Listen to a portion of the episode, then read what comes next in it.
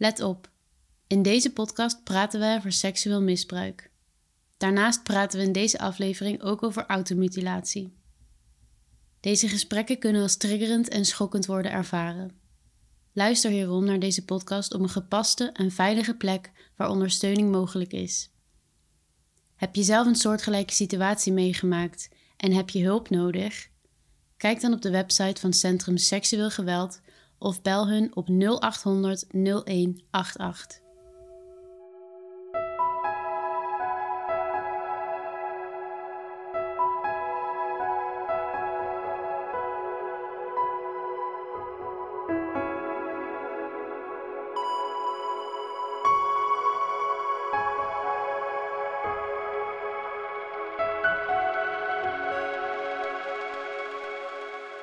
Welkom bij de podcast Medusa's Missie. In deze podcast ga ik in gesprek met slachtoffers van seksueel misbruik die hun verhaal met mij willen delen. Vandaag ga ik in gesprek met Quinty. Hoi Quinty. Hoi. Hoe is het met je vandaag? Ja, goed. Beetje nerveus en uh, benieuwd naar hoe het uh, gaat lopen, maar gaat goed. Wat vind je het meest spannend hieraan? Uh, ja, je moet toch even alles open gaan delen. Of nou ja, ik wil alles open gaan delen. Ja, gewoon benieuwd hoe het gaat lopen, omdat ik het nog nooit gedaan heb. Dus, uh... Dat snap ik. Ik vind het ook nog steeds elke keer spannend. Misschien dat dat helpt om dat te weten. Waarom vind je het belangrijk om jouw verhaal te vertellen? Ja, wat ik zelf merk is dat het nog steeds wel een beetje een taboe is in de wereld. Er wordt niet heel veel over gesproken. En op het moment dat je het vertelt, schrikken veel mensen vaak ook nog. Ja. En eh, we weten natuurlijk dat heel veel vrouwen het eigenlijk wel meemaken, ook mannen. En daarom vind ik het eigenlijk ook wel belangrijk om mijn verhaal te delen. En iedereen's verhaal is anders. En ja, daarin uh, hoop ik een stukje mee te kunnen geven. Mooi, ik vind het heel mooi dat je dat zegt. En ik herken dat ook heel erg. Dat um, als je mensen vertelt dat ze uh, altijd schrikken en niet zo goed weten hoe ze erop ja. moeten reageren. En ik zelf vind het ook heel belangrijk dat we dit doen, omdat het er nog maar er is zo weinig voor slachtoffers om, als dit soort dingen waar ze kunnen luisteren naar vergelijkbare dingen en, en mensen die het hebben meegemaakt, die nog leven en waar het goed mee gaat. En ja, ik ben heel blij dat je er bent. Dank je wel. ik ook. Zullen we beginnen? Vind je het goed om te beginnen met vertellen wat er is gebeurd? En dat is natuurlijk een hele brede vraag, ja. maar je mag zoveel en zo weinig vertellen als je wil. Ja, zeker. Ja. Ik ben misbruikt door mijn vader van mijn vierde tot mijn zesde. Ik ben hier op latere leeftijd achtergekomen. Toen ik eigenlijk één was, zijn mijn ouders eigenlijk al gescheiden. Zijn ze uit elkaar gegaan. Mijn vader die ging eigenlijk een hele lange tijd vreemd. En dronk ook best wel veel alcohol. Uiteindelijk heb ik uh, samen met mijn vader en zijn nieuwe vriendin heel lang in een huis gewoond. En van mijn vierde tot mijn zesde is, dat, is die eigenlijk alleen geweest. En heb ik samen met hem apart gewoond. Nou, eigenlijk vrij snel daarna kwam er weer een nieuwe vriendin en zijn we daarmee samen gaan wonen. Op mijn twaalfde heb ik eigenlijk tegen mijn vader gezegd dat ik niet meer bij hem wilde slapen. Uh, dus heb ik samen met mijn moeder ervoor gekozen om ja, dat gesprek met hem aan te gaan. En te zeggen van joh, ik wil niet meer één keer in de twee weken uh, in het weekend bij jou slapen. En ik wil gewoon bij mijn moeder blijven. En eigenlijk bij jou komen als ik dat zelf wil. Um, en eigenlijk, nou ja, op mijn 15, 16 hebben wij nog een hele grote ruzie samen gehad. En op mijn 17e heeft hij een jaar tot anderhalf jaar vastgezeten in Engeland. Want waar ik eigenlijk op mijn twaalfde al wel achter was gekomen, was dat mijn vader mij lichamelijk en geestelijk mishandelde. En lichamelijk in de zin van slaan, uh, in de gang stoppen, um, knijpen, nou ja, wurgen, dat soort dingen. En geestelijk in de zin van, ja, je bent niks waard. Uh, je bent altijd lelijk, je bent te dik. Uh, je luistert te veel naar je moeder. En nou ja, ik moest eigenlijk alles doen zoals dat hij het wilde. En eigenlijk ieder weekend als ik naar hem toe ging, dan ja, keek ik hem aan en was ik eigenlijk heel bang. En ja, keek ik heel snel van, joh, hoe zit jij erbij? Ben je hè, blij, ben je boos of ben je verdrietig? En ja, daar paste ik eigenlijk mijn gedrag op aan om eigenlijk te zorgen ja, dat het een beetje een oké weekend werd. Um, nou ja, en toen op een gegeven moment kwam ik er natuurlijk ook achter dat hij heel veel dronk. En dat hij eigenlijk altijd dronken was. Ook als ik hem zag, ook als ik bij hem was. Hij stonk altijd naar wijn. Maar ja, op jonge leeftijd heb je dat niet door. En nou ja, toen uiteindelijk heeft hij dus een ongeluk veroorzaakt in Engeland. Waardoor hij uh, een tijd vastgezeten heeft. En daarna is hij ook weer teruggekomen naar Nederland. En heb ik hem nog een tijdje gezien. Toen kreeg hij weer een nieuwe vriendin.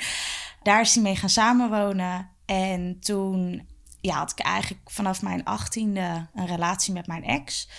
Dat is nu inmiddels al eh, twee jaar uit. Nou ja, tijdens uh, ons uitgaansleven ging er eigenlijk wel het een en ander mis. Dan dronk hij wel eens alcohol en ik soms één of twee wijntjes. En ik merkte eigenlijk altijd dat we ruzie kregen. En ja, de volgende dag wist ik eigenlijk nergens meer wat vanaf ik had soms schijnbaar ook volgens zij zeggen, ja, gezegd dat ik het uit zou maken, dat ik boos was, dat ik weg wilde en een hele stampij had gemaakt. En ik wist de volgende dag echt helemaal niks meer. Ik wist wel dat er iets niet goed zat, maar ik wist niet wat. En toen ben ik uiteindelijk ook in therapie gegaan. En ik had ook heel veel last uh, met blowjobs. Uh, ik kreeg altijd kokhalsneigingen. Als ik mijn tanden moest poetsen door de tandpasta, kreeg ik hetzelfde. En ik wist eigenlijk nooit zo goed waar dat vandaan kwam. Dus nou, ik ben toen eigenlijk EMDR gaan volgen. En die vrouw vroeg toen al aan mij, dit was 2018, van joh, ben jij misschien seksueel misbruikt? En ik had zoiets, nou, waar heb jij het over? Nee, weet je wel. Mijn moeder zegt ook niet dat dat gebeurd is. Uh, niemand in mijn omgeving waarvan ik dat zou moeten denken. Dus nee, eigenlijk niet. Nou, toen had ze al wel een beetje iets van, nou oké, weet je wel. Nou, toen hadden we dat samen behandeld. En daarna ging dat ook heel erg goed. Nou, 2019 wilde mijn vriend, toen vriend, wat nieuws uitproberen en wilde eigenlijk graag een keer anaal uitproberen. Nou, ik had het nog nooit gedaan, dus ik denk, weet je, laten we dit gewoon een keer proberen. Vind ik het niks, dan weet ik het ook. Hmm. En eigenlijk vanaf moment één dat we ermee begonnen, ben ik in de paniekaanvallen geraakt. Huilen, uh, stil worden, zwijgen. Uh, ik kon niks meer. En hij ja, was echt super lief. Hij vroeg heel veel van, joh, moet, moet ik eruit? Moet ik zachtjes doen? Moet ik dit? Moet ik zus? En hij luisterde naar alles wat ik zei. Hmm. Nou, toen eigenlijk zijn we vrij snel gestopt. En vanaf dat moment is het eigenlijk bergafwaarts gegaan. Ehm, als ik op de trap liep en hij liep achter mij, dan word ik al bang dat hij aan mijn kont zou gaan zitten of erop zou gaan slaan. Uh, op het moment dat hij al maar vroeg, zullen we het nog een keertje proberen? Dan kreeg ik een paniekaanval, begon ik te huilen, kon ik niks meer. Nou, en uiteindelijk werd het ook steeds erger dat ik ook geen seks meer wilde. En of als we seks hadden, dat ik ja, eigenlijk gewoon verlamde. En toen dacht ik, hier is iets aan de hand waar ik geen invloed op heb, maar het is wel iets waar ik iets mee moet. Ik zat al een tijdje in therapie en die vrouw gaf al aan van joh, er zit een hele grote kans in dat hè, de momenten in de kroeg dat je dissocieert. En ja, dissociëren is eigenlijk dat je uit je lichaam treedt. Je bent er nog wel, je krijgt ook wel alles mee, maar ja, je hebt geen controle over jezelf. En dat maakte dus ook dat ik de volgende dag niet meer wist wat er aan de hand was. Toen ben ik spiertesten gaan doen. En spiertesten houdt eigenlijk in, ja, heel veel mensen kennen het niet. Nee, ik nooit van uh, gehoord. nee. ja, je gaat eigenlijk op een behandeltafel liggen en je gaat met je armen een beetje wat wijder liggen van je lichaam af. De therapeut vraagt dan eigenlijk bepaalde vragen aan je, maar je hoort ze niet. En zij trekt dan aan je arm. En je bent zo ontspannen dat je arm gaat mee als het een ja is. En als het een nee is, blijft je arm liggen. Wow, Het is heel creepy, maar het is echt zodra je het doet, dan merk je het. Want zij vroeg dan vragen en ik merkte ook echt, oh, mijn arm gaat mee. En je zou dat ook verwachten, want je bent ontspannen. En inderdaad, op het moment dat het een nee was, dan bleef mijn arm gewoon liggen. En ik had daar nul controle over. Heel raar was Klinkt dat. een beetje als hypnosetherapie. Ja, ja. ja, daar lijkt het ook wel een beetje op. Nou, uiteindelijk kwam daar dus uit. Uh, dat heeft echt wel een paar sessies geduurd. Want mijn lichaam wilde niet heel graag vertellen wat er met mij aan de hand was. Maar daar kwam uiteindelijk uit dat ik seksueel misbruikt was door mijn vader. En dat dat van mijn vierde tot mijn zesde was.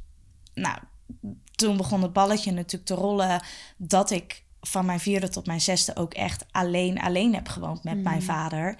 En ik had altijd nachtmerries over een roze gordijntje. Maar ik kwam niet verder in de nachtmerrie dan dat specifieke roze gordijntje.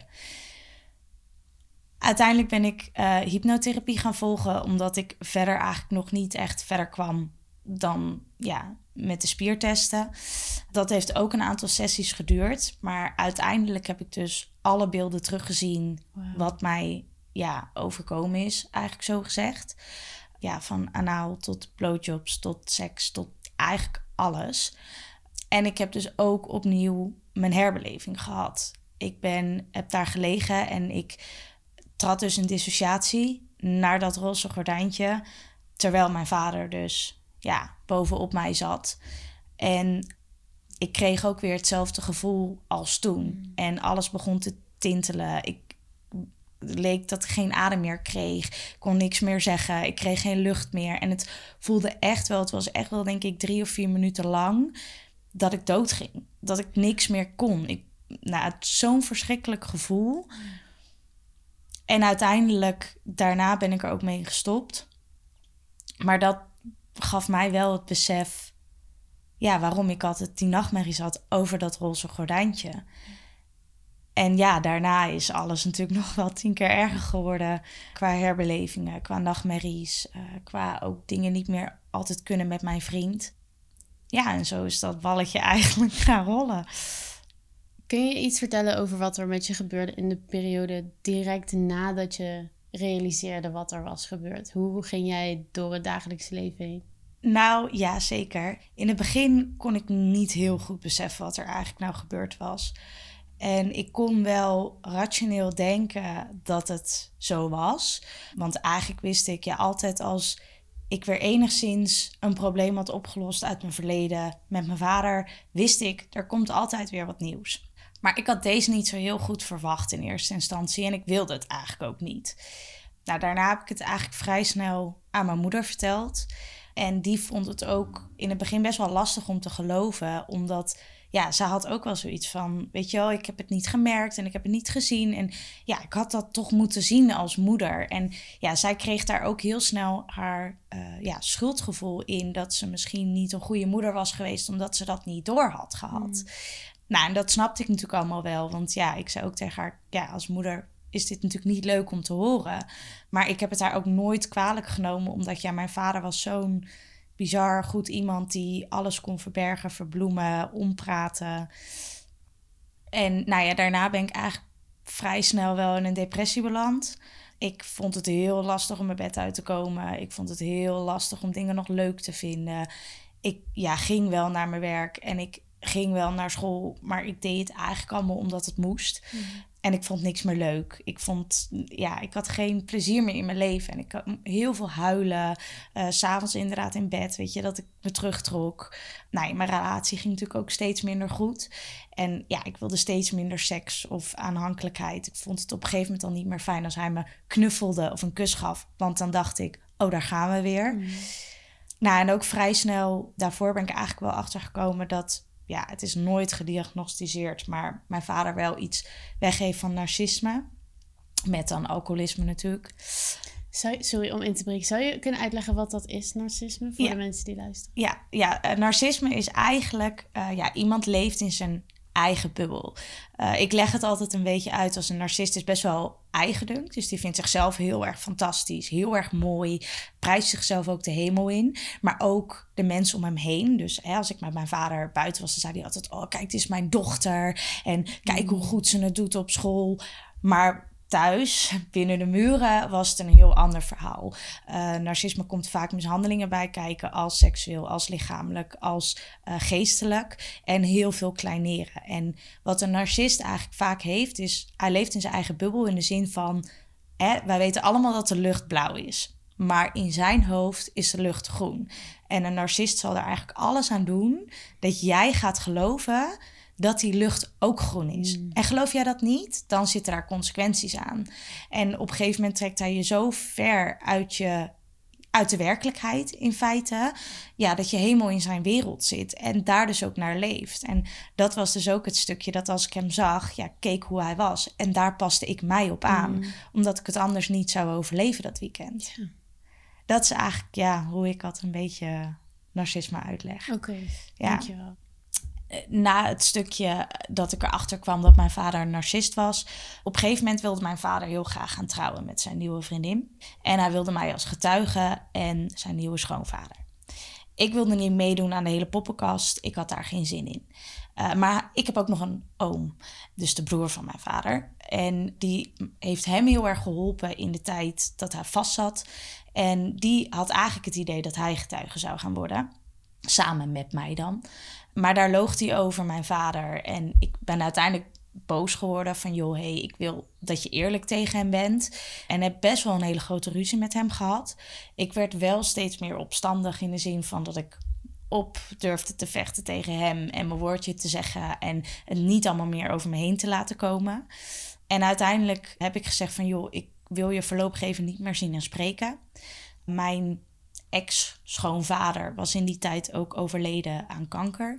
En toen ja, werd mijn vader eigenlijk boos en die heeft toen een appje gestuurd dat hij moedervlekken had weg laten halen. En ja, eigenlijk dacht hij eh, dat hij het ernstig was. Ik had niet gereageerd, want ik was bezig op dat moment.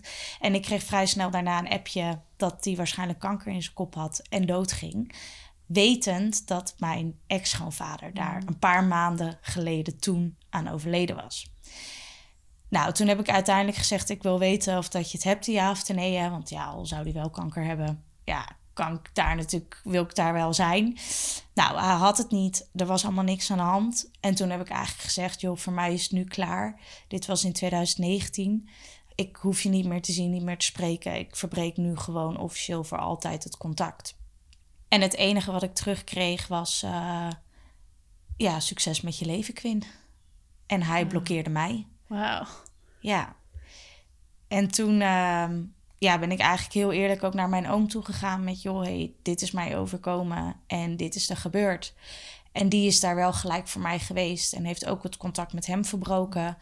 En hij heeft altijd wel gezegd van... joh, als jij hulp gaat zoeken, dan gaan we weer verder kijken. Okay. Maar ja, mijn vader heeft nooit hulp gezocht. Dus, uh, en dat is uh, tot nu toe nog steeds... Hoe het is. Heb je ooit met je vader gesproken over het seksueel misbruik? Nee, maar hij wist het wel. Ik heb het zelf een keer op de app tegen hem gezegd. En mijn oom heeft het dus ook tegen hem gezegd. Hij zei tegen mij: Ik wil bewijs. Jouw vader zei dat? Ja. Oh jezus. Ja. Oké. Mijn vader zei: Ik uh, wil bewijs dan zien, als dat zo is volgens jou. Hij heeft mijn oom daarna nog wel eens dronken opgebeld met een anoniem nummer. Maar hij heeft daarna nooit meer contact met mij gezocht. Via de telefoon niet, via de mail niet, niet opgezocht. Hij weet waar ik woon. Het enige wat hij mijn moeder ooit gestuurd heeft over de mail is: als Quinn nu niet normaal doet, dan haal ik haar uit mijn erfenis. Wauw. Ja. Hoe was het voor jou dat hij vroeg om bewijs? Wat, wat deed dat met jou? Ja, het gaf mij eigenlijk alleen maar meer bevestiging dat dit is wat het is.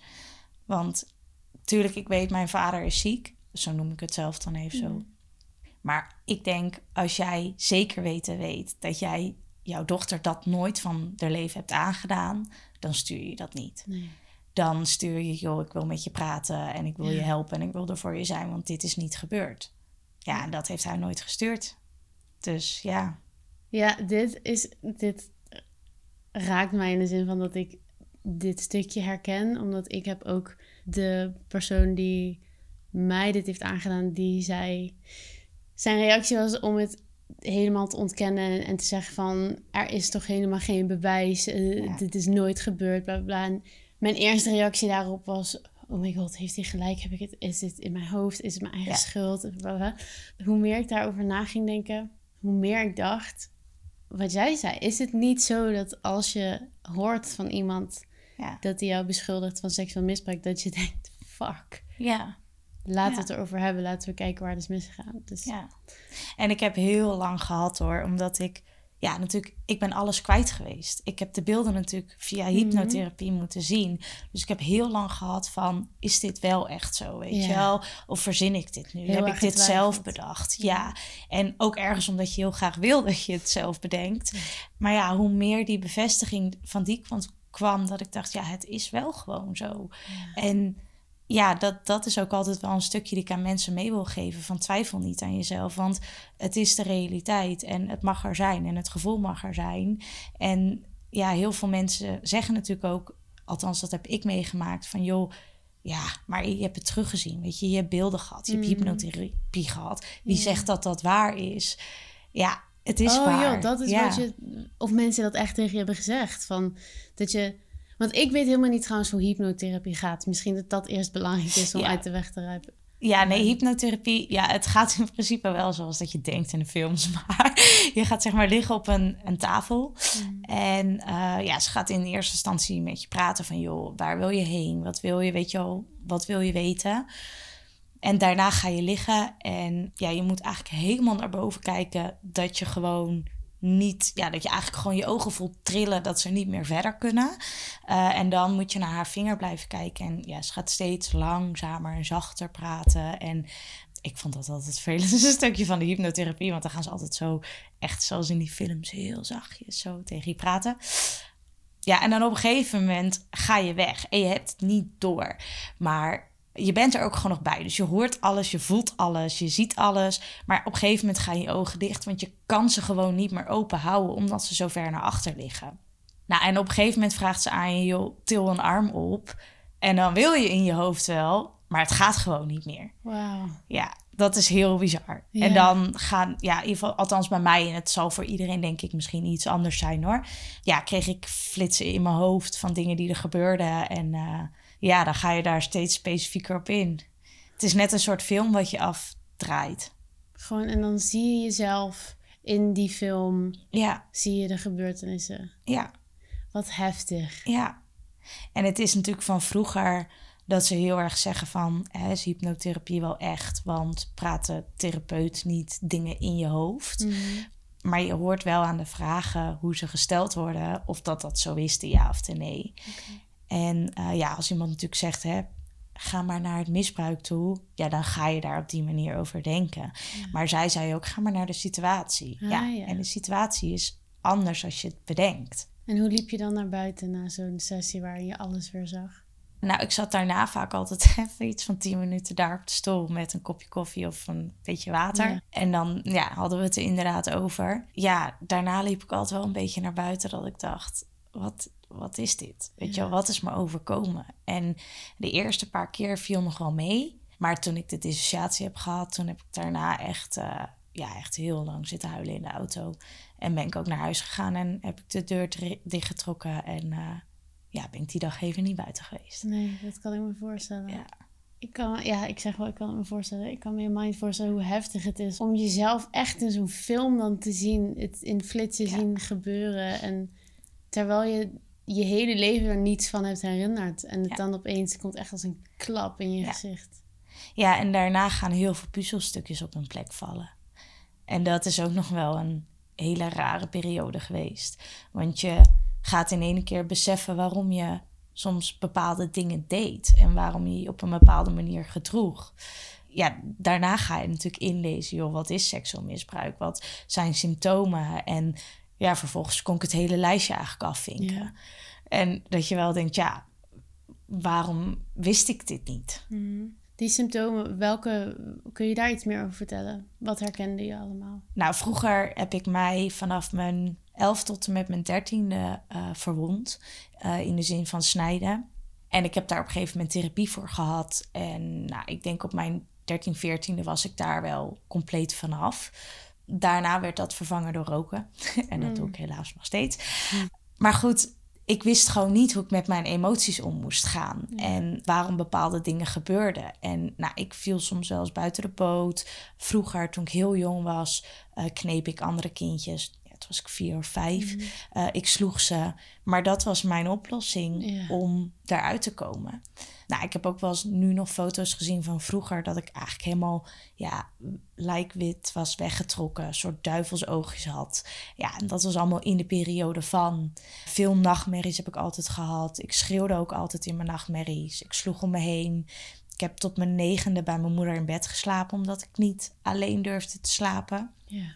ik was altijd vanaf mijn dertiende was ik al bezig met jongens, heel vroeg. En eigenlijk ook niet echt wat ik zelf wilde. Dus ik kwam later nog wel eens in situaties waarvan ik dacht, ja, hier had ik helemaal niet willen zijn. Maar ik kon geen nee zeggen, ik kon niet praten, het dissociëren. Ja, al dat soort kleine dingen vielen in één keer op een plek. Nou, hetzelfde als dat ik alleen woonde met mijn vader op die tijd. eh, hoe mijn vader was. En ook sindsdien heb ik geen nieuwe problemen er meer bij gekregen. Ook de depressie die ik eigenlijk al jarenlang had. En later heb ik mij ook laten diagnosticeren voor dus PTSS en een depressie. Ook de PTSS, de klachten die daarbij horen, kon ik ook afvinken. Mhm. Dat, uh, ja. Zou je kunnen uitleggen wat PTSS betekent en hoe het er voor jou uitzag? PTSS is posttraumatische stresssyndroom. En dat betekent eigenlijk uh, ja, dat je een trauma hebt overgehouden aan een heftige gebeurtenis. Dat kan zijn een auto-ongeluk, dat kan zijn eh, met defensie, dat kan zijn misbruik. PTSS voor mij is eigenlijk altijd heel erg geweest dat ik veel triggers had. Ik kon heel lastig met mannen omgaan. Ik werd er altijd heel erg nerveus van. Ik ging dan aan mijn haar zitten en er steeds rondjes mee draaien. Het achter mijn oor doen. Friemelen aan mijn kledingstukken, Ik kon niet stilzitten. Soms veel minder concentratie. Dat waren wel even een beetje de hele erg belangrijke dingen ook daarbij Harley Davidson motoren, zeg maar, die hebben een bepaald geluid. Mijn vader reed ook zo'n ding. Dus als ik dat al hoorde, dan was ik getriggerd. Wat gebeurde er als je getriggerd raakt? Want ik weet niet of iedereen dat begrijpt. Wat, uh, wat is dat, een trigger? Ja, een trigger is eigenlijk ja, een situatie uh, wat zich voordoet, wat uh, ja, een beetje ja, of herbelevingen naar boven haalt of ja, je nerveus maakt. En triggers voor mij waren mannen, maar ook Harley's auto's met een open uitlaat, omdat mijn vader dat ook had. En ik kon dan soms gewoon letterlijk gewoon de bosjes inspringen uh, uit angst, omdat ik bang was dat hij het was. En hij was het natuurlijk niet, maar dat was mijn eerste reactie. Ja. Harde geluiden waren heel erg. Daar kon ik heel slecht tegen. Als er al maar iets viel, nu soms nog steeds. Als er iets valt of in de ene keer een explosie of vuurwerk, dan schrik ik compleet. En dan heb ik gewoon even een ja, mini paniekaanvalletje. Mm -hmm. Krijg ik het even heet, denk ik, oh, waar komt dat vandaan? En ja, dan daarna dan appt dat vaak wel weer weg. Waar ik ook heel veel moeite mee had, was mannen met een hele harde stem. Dus die best wel hard konden praten. Of ook mannen die onverwachts heel boos werden. Niet per se op mij, maar ook kon het op iemand anders zijn die tien meter verder dan mij stond. Dan ja, voelde ik dat, werd ik nerveus, voelde ik me eigenlijk opgefokt, kreeg ik het warm. Ja, dat soort dingen eigenlijk een beetje waren triggers voor mij. Gewoon je ja. hele lichaam is dan constant in de overlevingsstand, hè? Ja. In de stress. Ja, altijd achterom kijken. Altijd achterom. Dat achterom kijken, Oh. ja. En mensen die dan naast je lopen, die denken echt, wat is zijn we aan het doen? Ja. Bij mij was het denk ik echt, om, elke tien seconden was het even, oh, zijn we nog safe? Ja, dat, ja. En altijd je ogen op de deur, dat was ook altijd een ding. Kijken waar je gaat zitten als je in een ras- restaurant bent. Niet met je rug naar de deur. Nee, Ja. En ik kon wel in publieke ruimtes zijn, Mhm. maar ik moest wel continu in de gaten houden wat er was. Ja. Dus al was ik in gesprek, dan was ik half in gesprek en ik was continu mijn omgeving aan het screenen.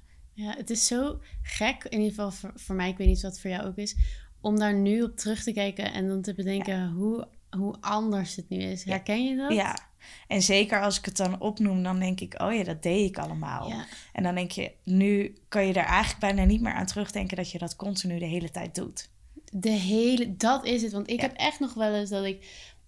Ik vind het nog steeds niet fijn om in mijn eentje in het donker over straat Nee. te moeten gaan. En ik vind het nog steeds niet fijn om in hele drukke ruimtes te zijn. Of alleen met een man Ja. in een ruimte te zijn. Maar dat is niet meer constant de hele dag. Want dat Ja. is het. De hele. En in de nacht. Want dan heb je de nachtmerries. En, Ja, ja, en die, die triggers, die triggeren dan soms herbelevingen. En dan ga je weer terug naar de gebeurtenis. Dus je bent de hele. Het is echt Ja. Exhausting als ik ja erover echt nadenk. heel erg. En Ja, daarnaast probeer je nog een gewoon leven. ja, terwijl je de studie werken. ja. Dat is echt. eh, En slapen vond ik ook altijd een drama. Het duurde zo lang voordat ik in slaap viel. En als ik dan sliep, dan werd ik wakker en dan dacht ik, ugh, jeetje. En nu denk ik, hoe dan? Ik slaap Ja. nu zo... Nou, oké, niet altijd, maar 9 van de Maar 10 ja. keer slaap ik zo goed dat ik me niet meer kan voorstellen dat ik zulke zo slechte nachten heb Ja. gehad. En gewoon jaar in, jaar uit. Ik weet natuurlijk het antwoord al op mijn komende vraag. Maar hoe kan het dat het voor jou zo is veranderd? Nou, ik ben eh, bij Zuidwerk geweest. Mhm. Daar hebben wij elkaar ook Ja. leren kennen. Ja, ik zag eigenlijk Geraldine en de vrouwen op tv. Die hebben meerdere vrouwen denk ik wel gezien. Mhm. En dat was zo'n eye-opener voor mij dat ik dacht: wow, ik wist zo weinig van seksueel misbruik en zo weinig plekken waar je terecht kon voor seksueel misbruik. Mm. En dat was het eerste waarvan ik dacht: wow, oké, gaaf. Ja. Ik wilde eigenlijk ook wel die vakantie daarheen, maar oké, Mhm. dat zat er niet in. En zo ben ik eigenlijk via de huisarts heb ik me aan laten melden bij Psytrack. Ik moest eigenlijk een jaar op de wachtlijst, was best lang. Klopt. Een jaar? Een jaar, ja. Oh. Maar uiteindelijk belden ze aan mij of dat ik eventueel in therapie wilde met een van mijn ouders. Ja. Mijn moeder en ik hebben eigenlijk, omdat ik dus met mijn moeder samen ben opgegroeid, ja, zo'n goede band. Ik dacht, ja, dat is misschien ook juist wel goed. Want ik merkte dat de wrijving tussen ons steeds groter werd. Omdat, ja, ik kon niet uitleggen wat er met me aan de hand was. Ja. Ik kon ook niet uitleggen wat ik nodig had, want ik wist het zelf al niet eens. En zij werd daar heel gefrustreerd over, omdat zij wilde mij helpen. Ze wilde het natuurlijk weghalen, want ja, ik was haar kind. Ja. En uiteindelijk heb ik gezegd van, nou, ik ga het overleggen. Mijn moeder vond het wel pittig, want ze had wel zoiets, oh, weet je wel, heftig. Maar uiteindelijk wilde ze het wel heel graag, omdat ze ook had van, ja, ik kan er dan beter voor jou Mhm. zijn en ook beter begrijpen hoe het voor jou is. En nou, toen kon het eigenlijk al binnen een half jaar. Wauw. Ja, Hoe, eh, wat, eh, wat doe je bij Psycheck? Wat is Psycheck? Wat, wat heb je daar gedaan?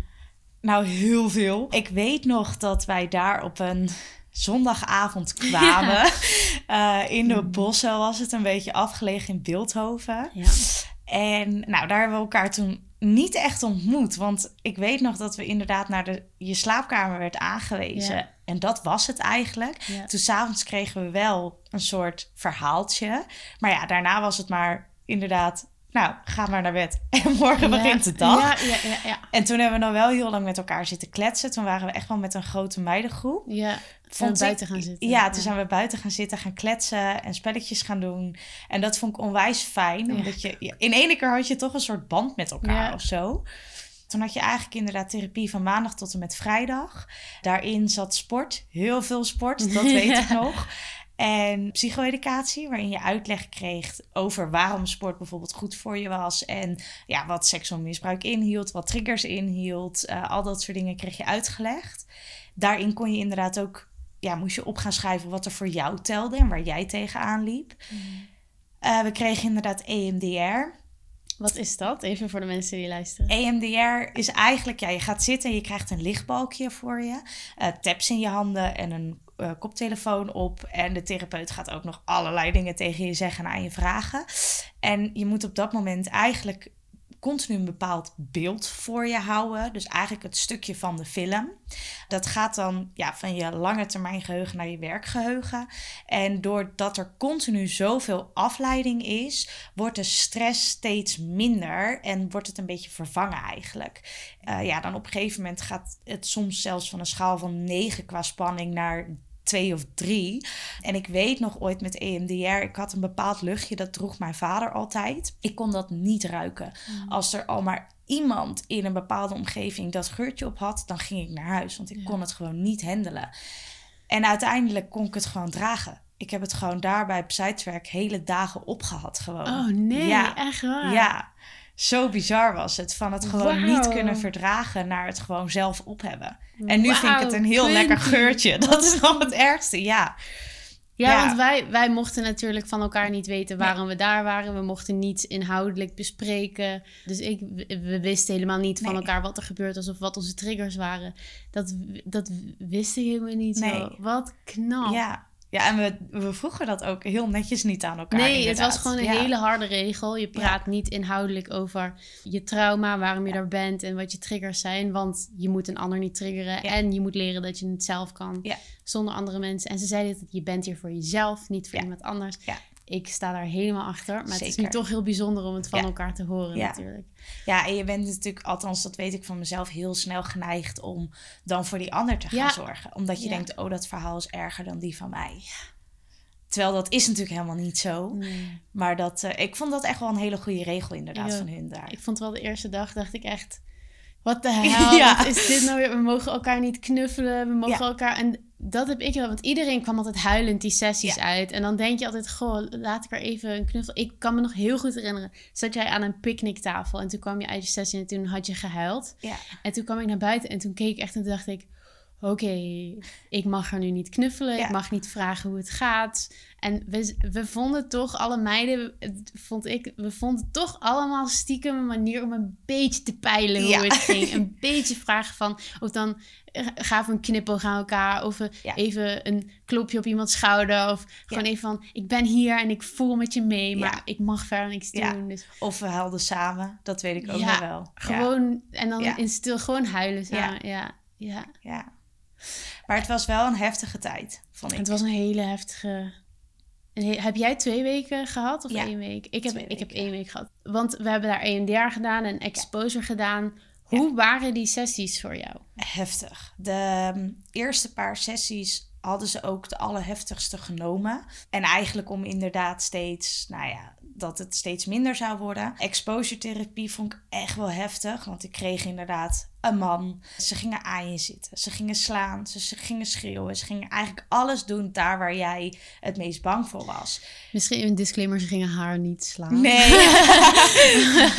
Eh, Ja. En heel even kort ook weer dat iedereen begrijpt wat is exposure en waarom doen ze dat soort dingen allemaal. Exposure therapie is eigenlijk dus ja, je grootste angsten ondergaan. En dat is hetzelfde als vroeger kon ik echt niet het woord piemel of vagina normaal Mhm. uitspreken. Ik heb er echt nog wel eens moeite mee. Ja. Maar daar moest je dat gewoon 30 keer zeggen totdat het gewoon een beetje normaal je mond uitkwam. Omdat het gewoon een normaal woord is. Ja. En ja, dat iemand een keer schreeuwt, gebeurt natuurlijk ook. Mm. En eigenlijk, ja, de exposure was het gewoon continu blootstellen aan de triggers. Zodat je hersenen eigenlijk leren dat het niet meer hetzelfde is als dat het toen was. ja. Je gaat niet dood. Ja. je blijft gewoon leven. Ja. Het voelt zo eng om dat te doen. Ja. En zo bevrijdend als je het hebt gedaan. Ja. Dat. Je liep daarna dat kamertje uit dat je dacht, zo, oké, dit Dat was heb het. ik overleefd. Ja. Ja. Ja. dat weet ik nog wel, ja. Ik weet het ook nog, dat had ik dan een exposure sessie gehad. En dan, het was natuurlijk coronatijd, dus ze Ja. mochten niet echt heel dicht bij je komen. Ja.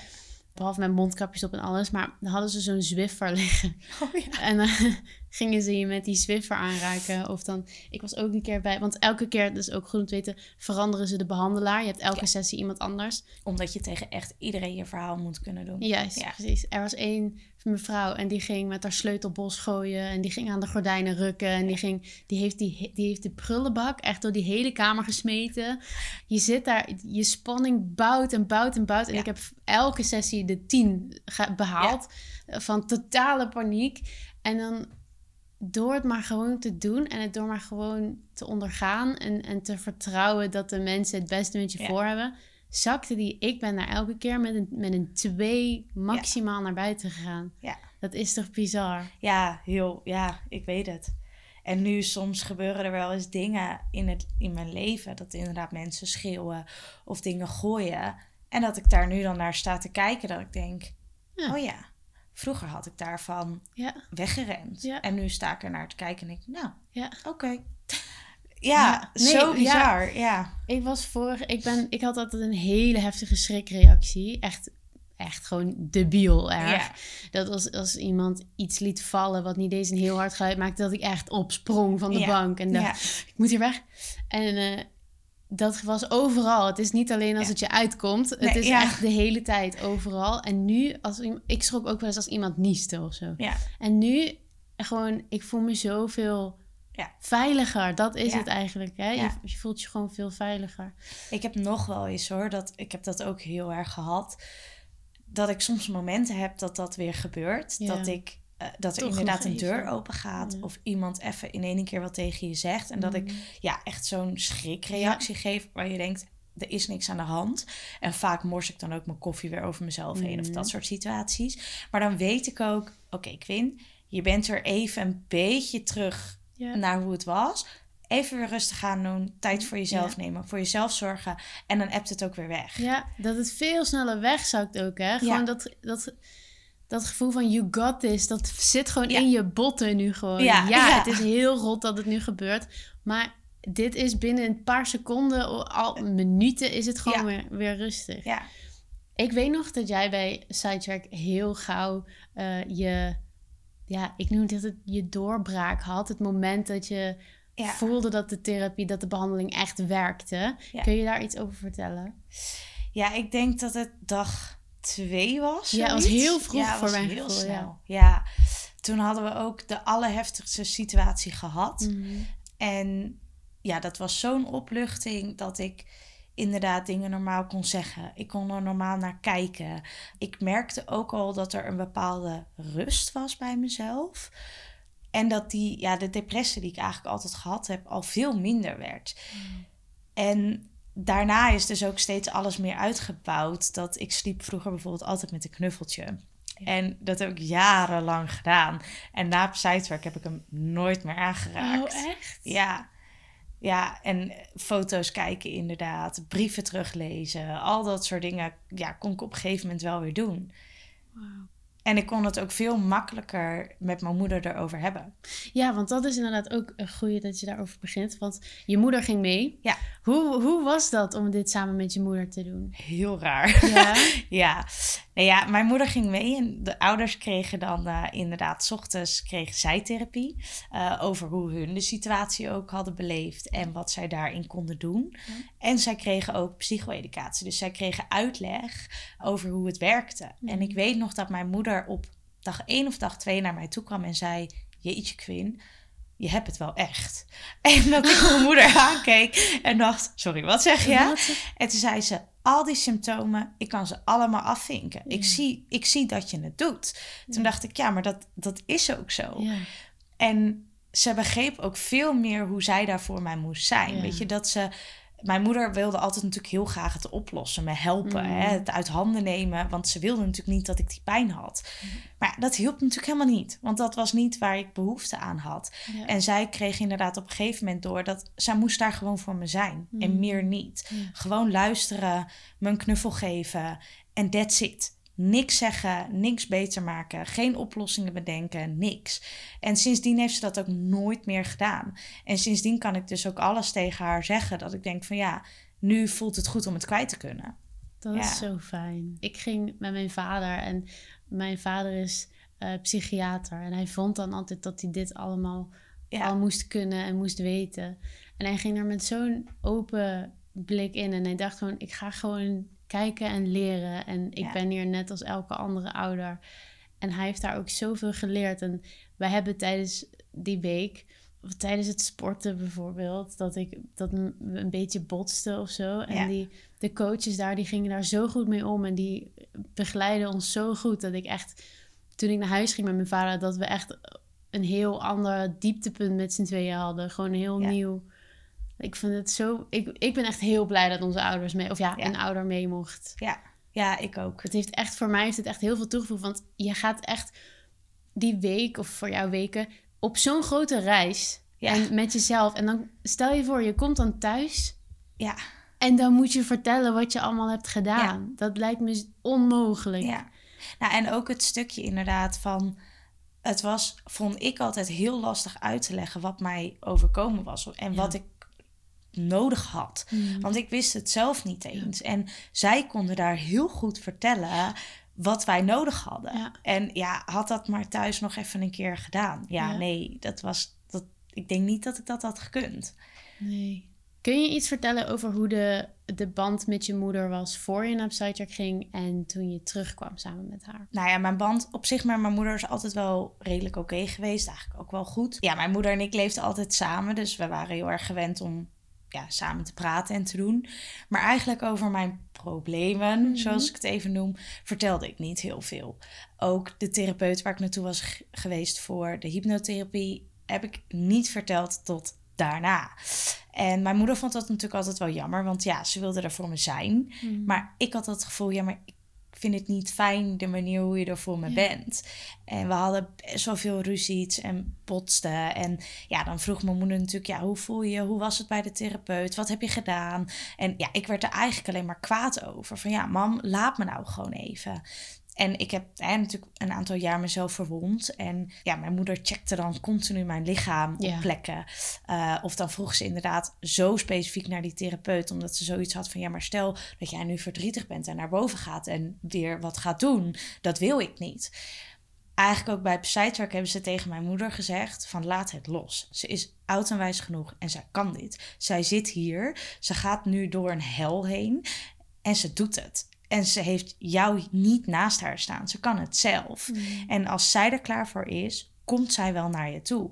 En dat heeft mijn moeder toen zo ook opgeslagen van ja, het is eigenlijk ook zo. Op het moment dat jij hè, er klaar voor bent en er openheid over wil geven, dan kom je ook. Alleen duurt het soms wat langer.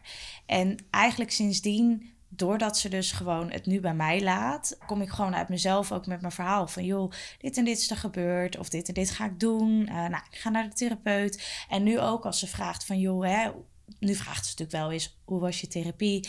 En soms heb ik nog wel eens een moment dat ik denk, hmm? Maar dan denk ik, nee Quinn, dit kan jij. Er is niks aan de hand. En nu kan ik het ook gewoon uitleggen van joh, dit en dit was er. Maar ja, soms is het voor mij gewoon heel normaal, waardoor ik niet heel open en breed vertel wat er gebeurd is. Uh, en daardoor heeft zij ook gewoon zoiets van ja, dan is het ook goed. Weet Ja. je, ze komt met Meer een verhaal. Ja, ja. wanneer het nodig is. En mijn lichaam wordt niet meer elke dag bodyscreened. Oh ja. dus dat, ehm, ja. Wat is voor jou het meest waardevolle wat je bij Psycheck hebt geleerd? Wat ik het meest waardevolle wat ik heb geleerd is, en ik heb er ook een tatoeage over laten zetten. Ja, Dat zei je toen, Ja. of niet? Dat je, dat, Ja. je hebt hem gezet. ja ik heb hem gezet. Ja. Oh. Ik las altijd overal van als je PTSS vrij bent en je bent ermee bezig geweest, dan ben je- ga je weer terug naar de persoon die je was. Maar ik had altijd iets dat ik dacht, ja, maar wie was ik dan? Ja. Want ik was vier. Dus ik, ik had nog geen. Ja, ik had natuurlijk wel bepaalde persoonlijkheden, maar ja, nog niet alles, want ik Nee, moest alles nog nee. leren. Ja. En mijn hele ja, seksualiteit en eigenlijk puberteit is natuurlijk overhoop gegooid Ja. om het verleden. En toen had ik zoiets van, ja, wie ga ik worden dan? Weet Ja. je wel, wie ben ik Wie dan? ben ik dan? Ja. Ja, en toen weet ik nog, er was ook een tekst. En die heb ik dus op mijn arm. Van healing isn't about changing who you are. It's about changing how you feel who you are. En dat raakte mij zo diep dat ik dacht, ja, ik ben gewoon wie ik ben. Alleen ik voel me anders. En ik moet me gewoon voelen als mezelf. Want ik ben wie ik ben. En met misbruik, zonder misbruik, het is er. Het is gebeurd, het is mijn verleden. En dat is wie ik ben. En hoe ik daarmee omga, is ook mijn, hoe ik ben. Dat was voor mij een hele changing. Dat ik dacht, ja, je moet gewoon zijn wie je bent. En ook je misbruik hoort bij je. En ja, Ja. dat is het. Ik kreeg er kippenvel van. Ja. Echt heel mooi. Gewoon dat, dat gevoel dat je gewoon... Ja, het is gebeurd. En ja, dat is heel kut. Maar ik ben wie ik ben. En het hoort erbij. Ja. En ik ga me er niet meer voor verstoppen. Dat herken ik ook heel erg. Dat vind ik echt heel mooi dat je dat zegt. Ben je daar PTSS vrij weggegaan? Ja, zeker. Ja, ik heb het eh, twee weken gevolgd. Eh, ik kwam binnen met 38 punten op PTSS. En ik ging er uiteindelijk weg met 8 punten. Dat is echt... Ja, ik wist dit al. Maar dat is echt Ja. bizar hoe dat... Ja, In twee weken, waar je jaren mee bezig bent, dat het in twee weken gewoon. ja, Want met acht punten ben je PTSS vrij. Ja, gewoon. ja. Is, ja. En ik weet nog zo goed, dat was zo bizar. Het slapen in ene keer ging dat tien keer Echt beter. En ik had vroeger zoveel moeite met mannen. Ik had vroeger mannelijke leidinggevende. En ik werd altijd heel nerveus bij hem. Gewoon omdat het een man was. Mm. En hij was er altijd heel goed voor mij geweest hoor. Echt een topvent. En ik ging daarna ook bij hem op gesprek. En toen zat ik daar en toen dacht ik... Oh, ik voel me niet nerveus. Ik heb... Er is niks. Ik hoef niet aan mijn haar te zitten. Ik hoef niet bang te zijn. Ik hoef niet continu scherp te zijn. En dat zei ik ook tegen hem. Ik zeg, jeetje, wat zit ik hier lekker in dit gesprek met jou? En hij ja, had ook altijd zoiets van... Ja, maar meidje, hoef je toch helemaal niet druk te maken? Ja. En ja, dat was natuurlijk ook zo. En Ja. dat was zo fijn. Dat, dat, Mm. ja, dat was gewoon in één keer na twee weken weg. Zo bizar was dat. Dat is echt ongelooflijk. Rationeel gezien snap ik Ja. hoe het gebeurt. Want ik snap hoe de therapie werkt. Wat je vertelde over je werkgeheugen. Maar Ja. dat het ook echt werkt, vind Ja. ik zo bijzonder. Gewoon, Ik weet nog toen zij mij belde, toen voor de intake. En toen zeiden ze, ja, binnen twee weken zijn de meeste eigenlijk PTSS vrij. dacht, twee eh, weken de meeste uh-huh, vrij? ja. Hoe bedoel je? Ja, ze zegt, ja, het is echt... Ik zeg, nou, oké, zo dan gaan Kom we het wel door. zien. Ja. Ja. Ik weet ook nog dat ik daar naar binnen ging en ik dacht, ja hoor, is goed. Ja, Ja, sure. ja. Laten dat. we eens even kijken wat jullie kunnen. Ja, ja klopt. Dat het dan echt... Ik, had, ik heb wel wat later bij Psycheck mijn doorbraakmoment gehad. Ik had het denk ik pas aan het eind van dag drie. Ja. Dat ik dacht, wow. Dus ik dacht de eerste twee dagen, zie je wel, dit is niks voor mij. En ik, oh. Maar dat, ja. Ik kan Dat het iedereen nog, aanraden. Iedereen met een trauma, meld je aan bij Ja. Sidecheck. Ja, ja Ehm, zeker. Ik, ja, de eerste beste tip inderdaad, wat jij zegt, wat ik iemand geef, ga naar Psytrack, Ja. meld je aan. Ja, ja.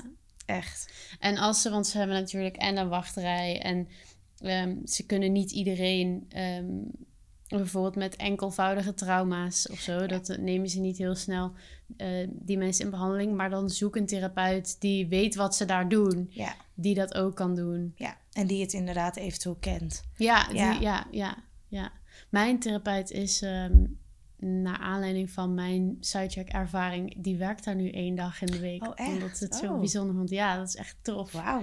Ja. Echt hoor, ja. Je vertelde net al even over eh, die leidinggevende waar je het eh, eh, mee besprak. Ik vraag me af of jij jouw verhaal hebt gedeeld met andere mensen. Ja, eigenlijk op het moment dat ik er in eerste instantie achter kwam door hypnotherapie, heb ik het aan mijn moeder verteld.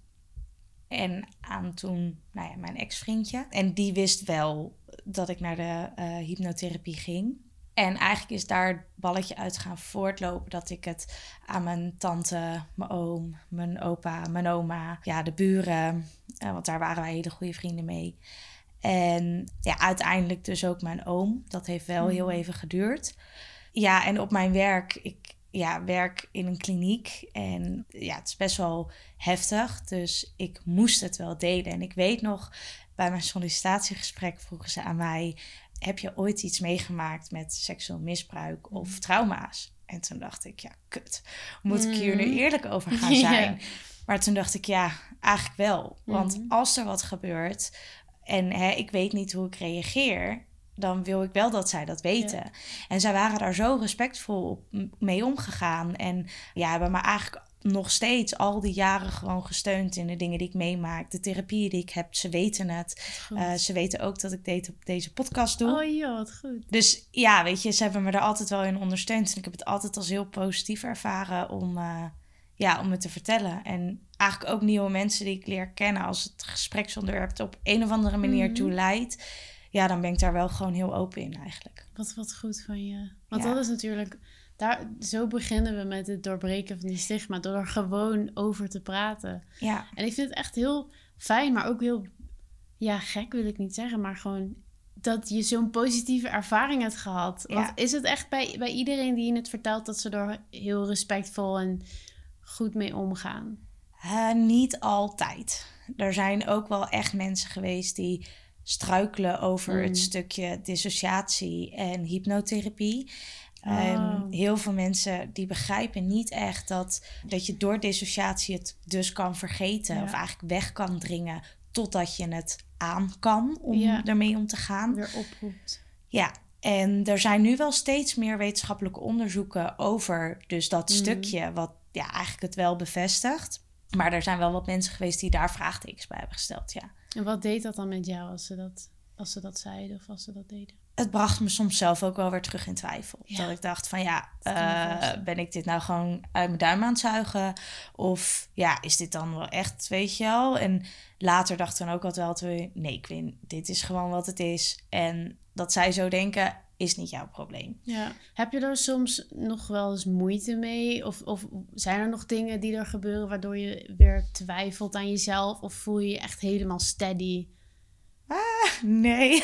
Dit is prima. Dat, eh, Ja, nee, er zijn echt nog wel momenten dat ik twijfel aan mezelf. Ook dat ik denk, oh fuck, ben ik er wel? Moet ik nog heel veel, weet je wel? Of ga ik er ooit nog heel veel last van krijgen? Ja, er zijn ook nog echt wel momenten dat ik me schaam. Nou, weet je, als ik... Ik ben nu single, maar wel bezig met daten. Ja, dan kom je op een gegeven moment op dat punt Mhm. dat je het moet gaan zeggen. Nou, moet gaan zeggen, maar wil gaan Ja. zeggen. En dan schaam je ik me toch altijd wel weer een beetje dat ik denk, ja, wat gaat diegene daarvan Ja. denken en vinden? Maar aan de ene kant denk ik ook, ja, het is wat het is. Ja. En ja, hij zal ermee moeten dealen. Mm. Kan die dat niet? Ja, dan pas je niet bij mij. Ja. Nee, dat, kan, ja, dat herken ik ook heel erg. En het is zo scheef dat wij ons schamen Ja. voor wat ons is aangedaan. Wij zijn niet de, de partij in dit eh, Nee. geval die zich moet schamen. Maar schaamte is zo'n prominent gevoel, hoor ik nu steeds en weet ik ook bij, bij slachtoffers. Want kun je dat wat meer uitleggen? Waar, waar schaam je je precies voor? Wat, wat maakt die schaamte bij jou? Ja, vooral het idee dat ik een soort stuk ben. Dat het stukje, hè, dat er soms reageer ik op een bepaalde manier op situaties, door mijn emoties, door, nou hè, en daar schaam ik me dan wel eens voor. Dat ik dan denk, ja, ik wil helemaal niet op die manier mm. reageren. En ik weet dan ook wel dat ik ermee bezig ben met therapie en daar steeds wel beter in word. Uh, of dingen heel veel overdenk. Dat is echt een drama. Mm. Alles overdenk ik. Maar ja, dat is gewoon een stukje wat ik mezelf heb aangeleerd. Mm.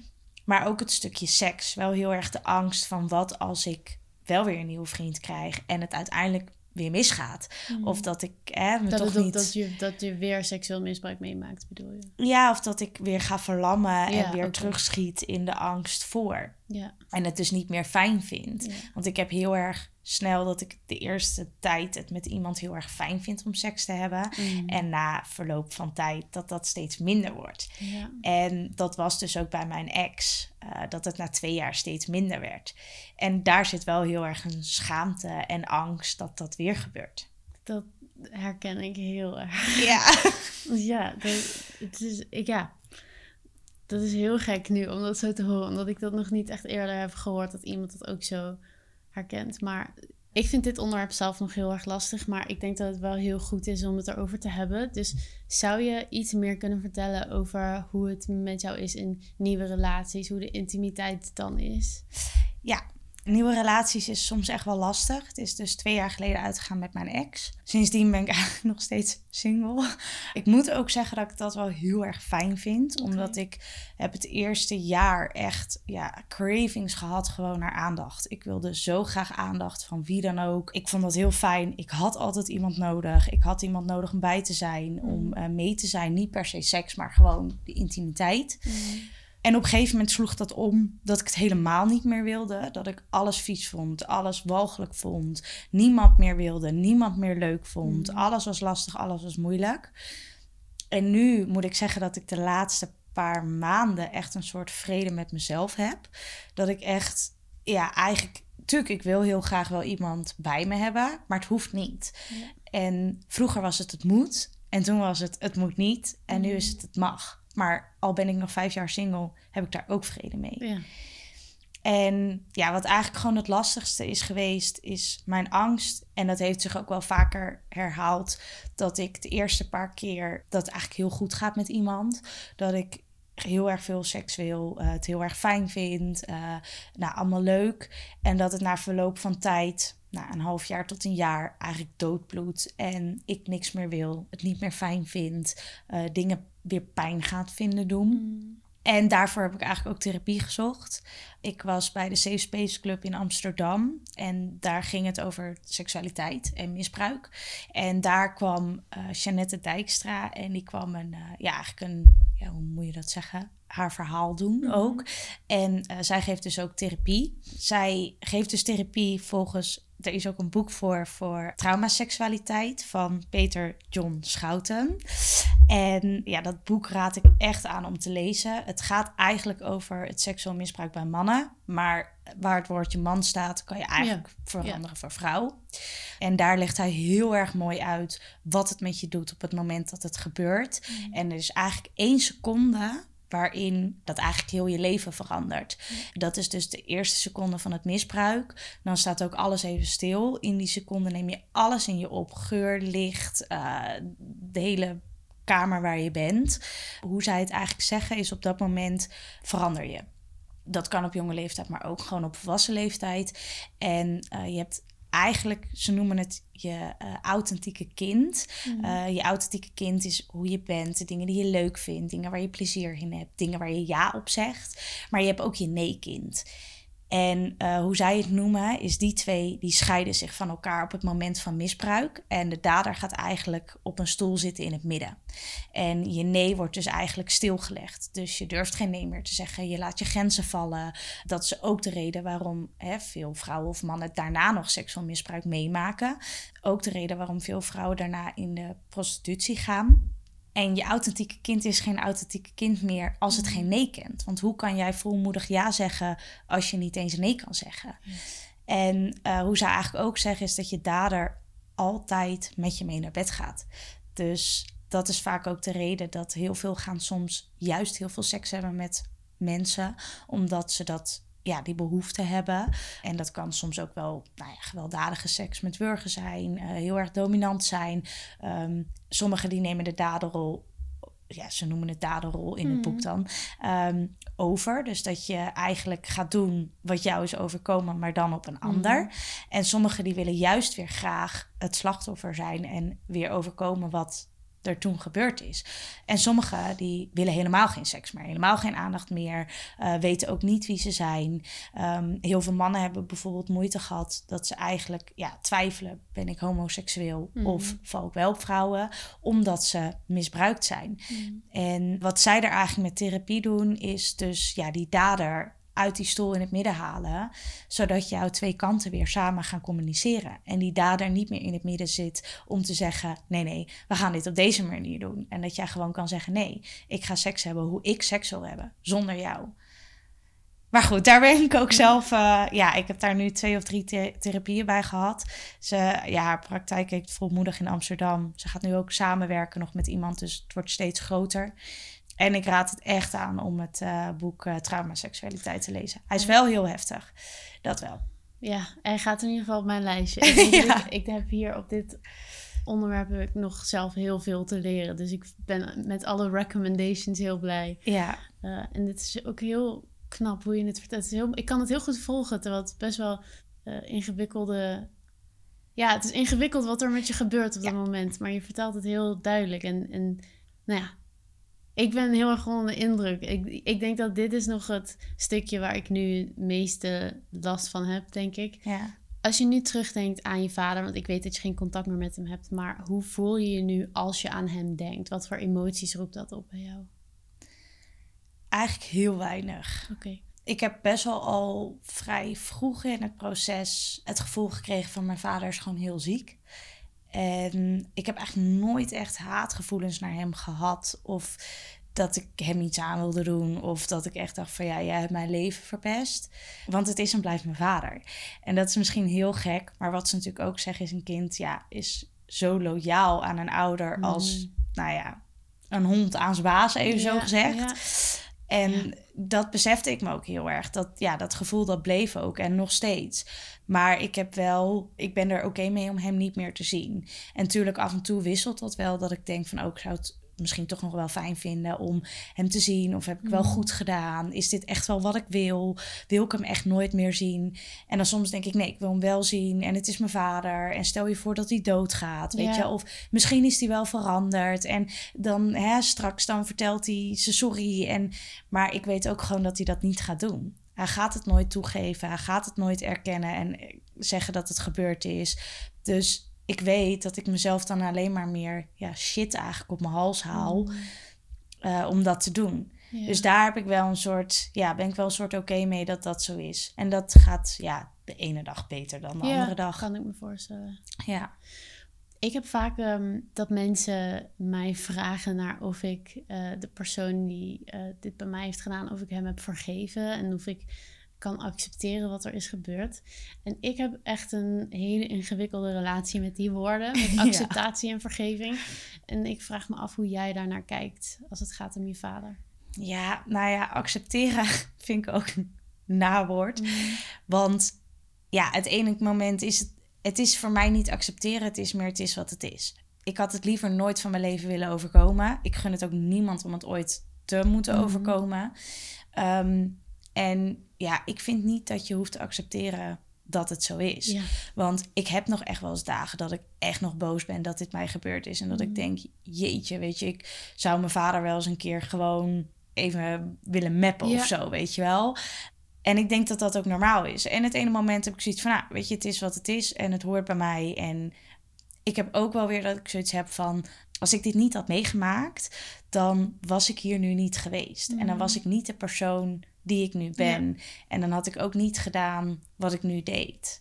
Ja, ik denk dat het voor mij gewoon dat stukje acceptatie, dat voelt heel erg alsof dat betekent dat je moet accepteren dat die persoon dat heeft gedaan. Ja. Waar jij daarna zo ontiegelijk veel Ja. last van hebt gehad. En dat brengt zo'n kortsluiting bij Ja. mij. Het is meer, denk ik, het accepteren dat het er is. Meer, voor mij is het meer, ik kan me heel goed vinden in het woordje erkennen. Ik kan prima erkennen Ja. dat het is gebeurd. En ik erken dat, ik, dat, dat dit is gebeurd, dat ik daar heel veel last van heb gehad. Maar of ik nou zou zeggen dat ik accepteer dat het mij is overkomen, dan klinkt het een beetje alsof je er vrede mee moet hebben. En ik, ik vind dat Ja. zo ingewikkeld. Ik denk niet dat je vrede hoeft te hebben met dat het je gebeurd is. Hmm. Want het had je niet moeten overkomen. Mhm. Het had niemand moeten overkomen. En ja, de persoon die het gedaan heeft, had het ook nooit moeten Ja. doen. Maar ik denk, zolang jij daar heel hard tegen vecht, Ja, dat je er ook niet voor jezelf kan zijn. Want je moet het wel in die zin accepteren dat het, het is gebeurd. Mm, En het is niet meer te veranderen dan te veranderen hoe je er nu mee omgaat. Ja, dat klopt. Dat is ook zo. Ik denk dat ik het woordje acceptatie ook in een hele negatieve, eh, dat ik daar op een hele negatieve manier naar kijk. Omdat het, het vaak komt van mensen die het dan heel goed bedoelen. Ja, maar En dan- geen idee hebben. Ja, wat je nou eigenlijk van iemand vraagt. Als je Ja. zegt van, is, moet je het niet... Want dat is, dat is hoe het bij mij altijd werd. Moet je het niet gewoon accepteren dat Ja. het is gebeurd en, en verder gaan? Ja.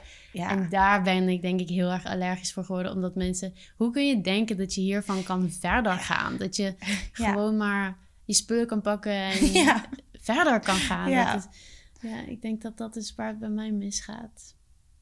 Wat zou jij zeggen over of je je vader hebt vergeven voor wat hij... Want je hebt vaker gezegd van, je ziet dat hij heel ziek is.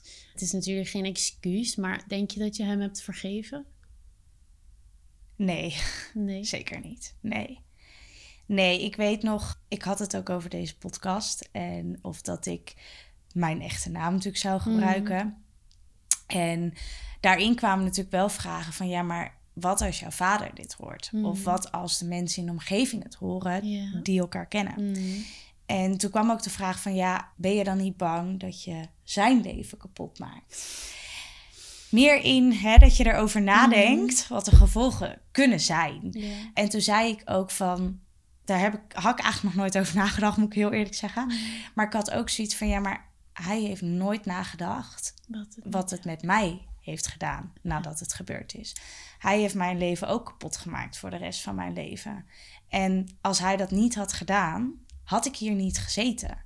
Dus waarom moet ik rekening houden met hem Mm. dat zijn leven hierna kapot is, als Ja. hij dat niet eens met mij heeft gedaan? Ja. En vergeven, nee, ga ik hem nooit doen. Nooit. Geen enkele man moet aan een kind komen of Nee. aan een vrouw. Maar ook niet een vrouw en een man als Nee. het niet gewild is. En ik denk niet dat je, dat je iemand daarvoor hoeft te vergeven. Nee. Nee. Ik ben het met je eens. ik Ja. hoor gewoon zo vaak. Om een of andere reden heb ik best wel veel mensen gehad die tegen mij zeiden dat ik pas verder kan als ik hem vergeef. En ik kan me daar zo niet in vinden, Nee. want ik heb zo'n enorme stappen gemaakt en ik ben zo geheeld de afgelopen jaren. Er is nog heel veel heling to do, maar er is al zoveel vooruit gegaan. En ik snap niet waarom ik hem in godsnaam zou moeten vergeven voor zoiets. Ik denk dat de mensen dan denken dat je meer vrede ermee kan hebben. Maar waarom zou ik er vrede mee willen hebben? Ik denk dat het er meer om gaat dat je jezelf kan vergeven dat het is gebeurd. Wat je natuurlijk heel veel ziet, is dat mensen eh, schaamte en schuld hebben van wat als ik hierin wat in had kunnen doen. Wat Ja. als ik was weggerend of had geschreeuwd. En ik denk dat je jezelf daarvoor moet vergeven. Niet hem moet vergeven, want je, je kan... En ik denk dat dat het natuurlijk ook al is. Je hebt geen invloed op de daden van een ander. Nee. En daar moet je je denk ik bij neer kunnen leggen. Ja. Niet per se dat die ander dat met jou gedaan heeft, dat je dat zou moeten kunnen Mm. vergeven. Ik draag ook geen haat naar hem hoor, dat is het niet. En ik denk dat dat natuurlijk ook is. Kijk, zou ik hem heel erg haten, ja, dan zit ik mezelf in de weg. Maar ik haat hem niet. Maar het is ook niet dat ik denk, nou, ik heb het jou vergeven en het is oké zo. Nee, maar het is wel oké voor mezelf. Ja. En ik heb mezelf vergeven dat dit gebeurd is en dat ik op bepaalde manieren soms gereageerd heb die ik niet had gewild. Maar dat is wel wie ik was door wat mij overkomen is. Ik denk dat wat je nu zegt heel, heel belangrijk is. Dat jezelf vergeven. Voor, ja, dat is ook zo dubbel. Want jezelf vergeven voor iets waar je nooit schuld aan hebt gehad. Nee. Het is zo gek. Maar het Ja. is iets wat, we, wat ik denk alle slachtoffers moeten doen. Jezelf vergeven voor iets wat nooit jouw schuld was. Ja. Dat is toch heel gek. Maar ik herken dat heel erg. Dat ik. Ik heb mezelf bij Psycheck pas kunnen vergeven voor. Want ik heb, wat er bij mij is, ik heb een aantal keer de kans gehad om weg te gaan. Ja, En, of de kans gehad. Praktisch gezien had ik weg Ja. kunnen gaan. Maar fysiek zat ik natuurlijk helemaal klem en, Ja. en kon dat niet. Maar ik heb daar zo'n zo'n moeite mee gehad. En ik denk dat op het moment dat we... We hebben bij Psycheck geleerd over de fight, flight, freeze. En Ja. hoe dat totaal buiten jouw eigen controle ligt. En ik heb me daar, mezelf daarvoor moeten vergeven. Herken je, herken je dat? ja, heel erg. Ja. Want ik denk, dat heb jij misschien zelf ook, dat je later nog die reactie soms terugkrijgt. Dat is hetzelfde als inderdaad in de kroeg. Het dissociëren Mhm. wordt uiteindelijk ook een groot deel bij het flight, fight, freeze. Zo. Ehm, maar dat hoort daar natuurlijk ook een heel groot deel bij. En om jezelf dan ook nog later te moeten gaan vergeven op dat je het dus later ook nog doet Ja. ja, dat, dat is echt wel eh, lastig geweest. Ja. Omdat je het niet wil, maar je kan er gewoon niks aan doen. Nee. En het gebeurt. Wat ik ook eh, heel moeilijk vond, was dat ik heb in de tijd dat mijn PTSS op, eh, op het hoogtepunt zat, Ja, heb ik ook vaker mijn familie echt heel moeilijk gemaakt met al mijn, mijn woede en, en dat ik geen rekening kon houden met andere mensen en heel erg bezig was met nou ja, mezelf op de been houden en de dag overleven, maar daardoor doe je andere mensen wel ook tekort hier en daar en dat jezelf daarvoor vergeven vond ik ook heel Ja. lastig. ja, want je hebt het idee dat je het zelf Ja. bewust doet. Alleen je doet het niet bewust, Nee. want het is een overlevingsstand door seksueel misbruik. En dat moet je inderdaad kunnen vergeven. Dat je inderdaad dingen hebt gedaan, ook voor mensen om je heen, waar je eigenlijk helemaal niks aan kan doen. Nee. Wat zou je willen zeggen tegen iemand, een slachtoffer die nu luistert en die zich herkent in jouw verhaal? ik zou echt zeggen, ga praten. En ik eh, heb dit vaker gezegd. Ik weet, dit werd vroeger ook tegen mij gezegd van joh, praat erover. Maar ik dacht toen ook van ja, fuck jou, leuk. Ja. Maar hierover praten gaat echt niet werken. En ik Mm. wil het niet uit en ik wil het niet zeggen. Maar het heeft zoveel geholpen. En echt praten met familie en vrienden om je heen. eh, vriendinnen, vriendjes, therapeuten. En zoek inderdaad hulp. Want je kan het niet alleen. En het hoeft niet alleen. En het hoeft niet alleen, nee. Ja. Ja. Mooi Ja. dat je dat zegt. Je hebt het misschien al een beetje verteld, maar heb je misschien een kijk, lees of luistertip voor mensen die op zoek zijn naar. Nou, bijvoorbeeld, ik heb eh, veel gehad aan bepaalde muziek die me heeft geholpen en, en documentaires, films. Is er iets wat je ze kan meegeven? Eh, ja. Nou ja, het boek Mhm, Trauma ja. Seksualiteit. Maar ook het boek Verlamd van Angst van Agnes van Winnen. Oh, ik hoopte zo dat Ja. iemand die zou noemen. ja. Van Psytrack. Ja. Dat eh, is inderdaad ook de oprichter van Psytrack. Ja. En dat boek heb ik zoveel erkenning uitgehaald. Echt heel veel. De grote eye-opener was dat voor mij. Ja, zeker. Daarbij, ja, ik ga toch ook de film noemen waar we het net over zeker. hebben gehad. Absoluut. The Luckiest Girl Alive op Netflix. Hele heftige film. Grote trigger warning, jongens. Ja, Ja. maar ik moest er natuurlijk over nadenken of dat ik hier mijn echte naam wilde gebruiken, Mm. de ja of nee. En die film gaf mij echt dat ik dacht, ja, ik moet hiervoor uitkomen. Ja. En ik wil andere mensen helpen en ik wil Ja. gewoon dat het verhaal de wereld ingaat. Ja.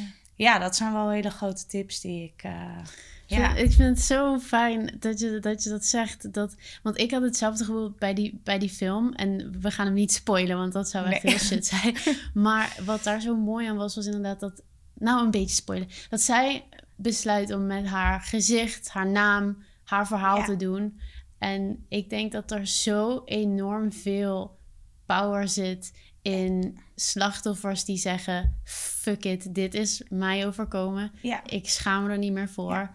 En het is tijd dat we het erover gaan Ja. hebben. Ja, en zeker omdat je op het moment dat het plaatsvindt, wordt je al opgelegd dat je je mond moet houden.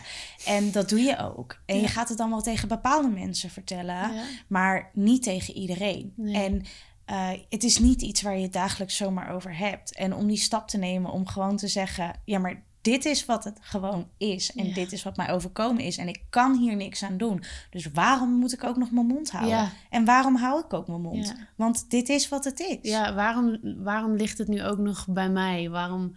En je, je wordt in een heel donker, eenzaam hoekje gestopt.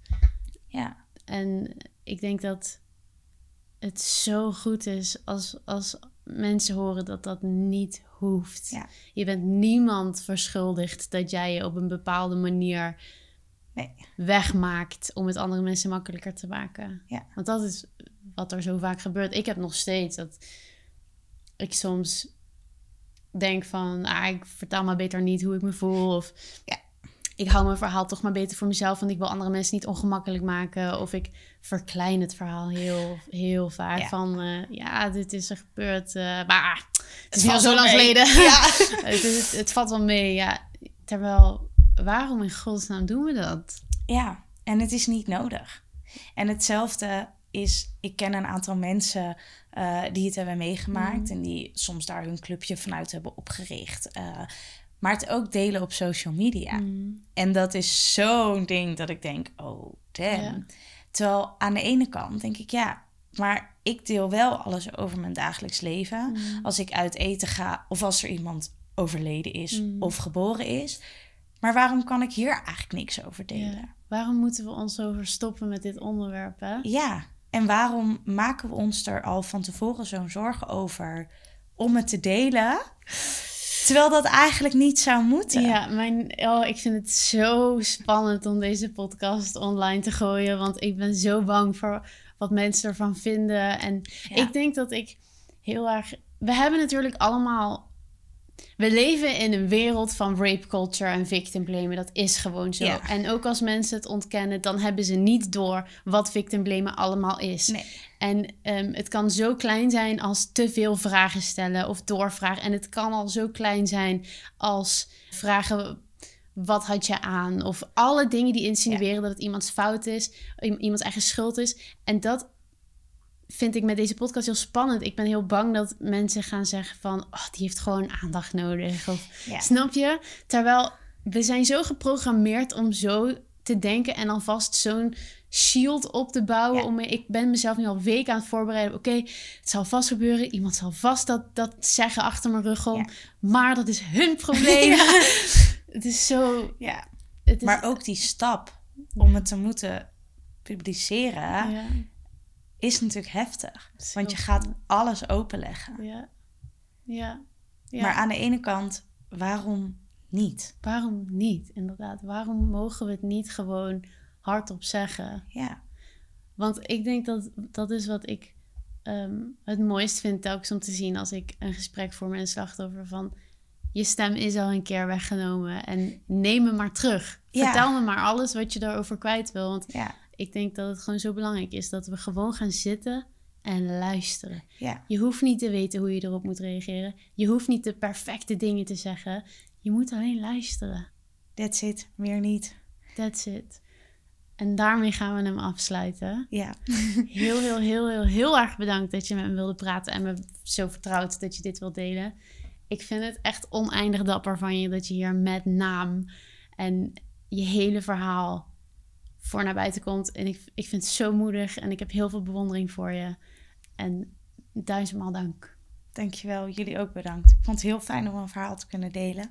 En ik hoop eh, ja, dat echt wel mensen hier wat aan gaan hebben. Ik weet het zeker. Ik, be- ik bedoel, ik, telkens, ik zeg het elke keer weer, maar ik heb er al wat aan gehad. Ik heb, ja, je, je ziet het, de mensen kunnen dat niet zien, maar het, het doet heel veel met me en ik leer van je. En ik, het is gewoon heel empowering om andere slachtoffers te Ja. zien staan en spreken en, Ja. en stevig zien zijn. Ja, Ja. dat is, dus je hebt al iemand geholpen. Dankjewel. Dankjewel. daarvoor. Dankjewel voor het luisteren naar Medusa's missie. De podcast is geproduceerd door Fleur Abe en Kiki Lindelauf. De muziek in deze podcast is gemaakt door Leon Sperling. De podcast is geëdit door Rosa Bex.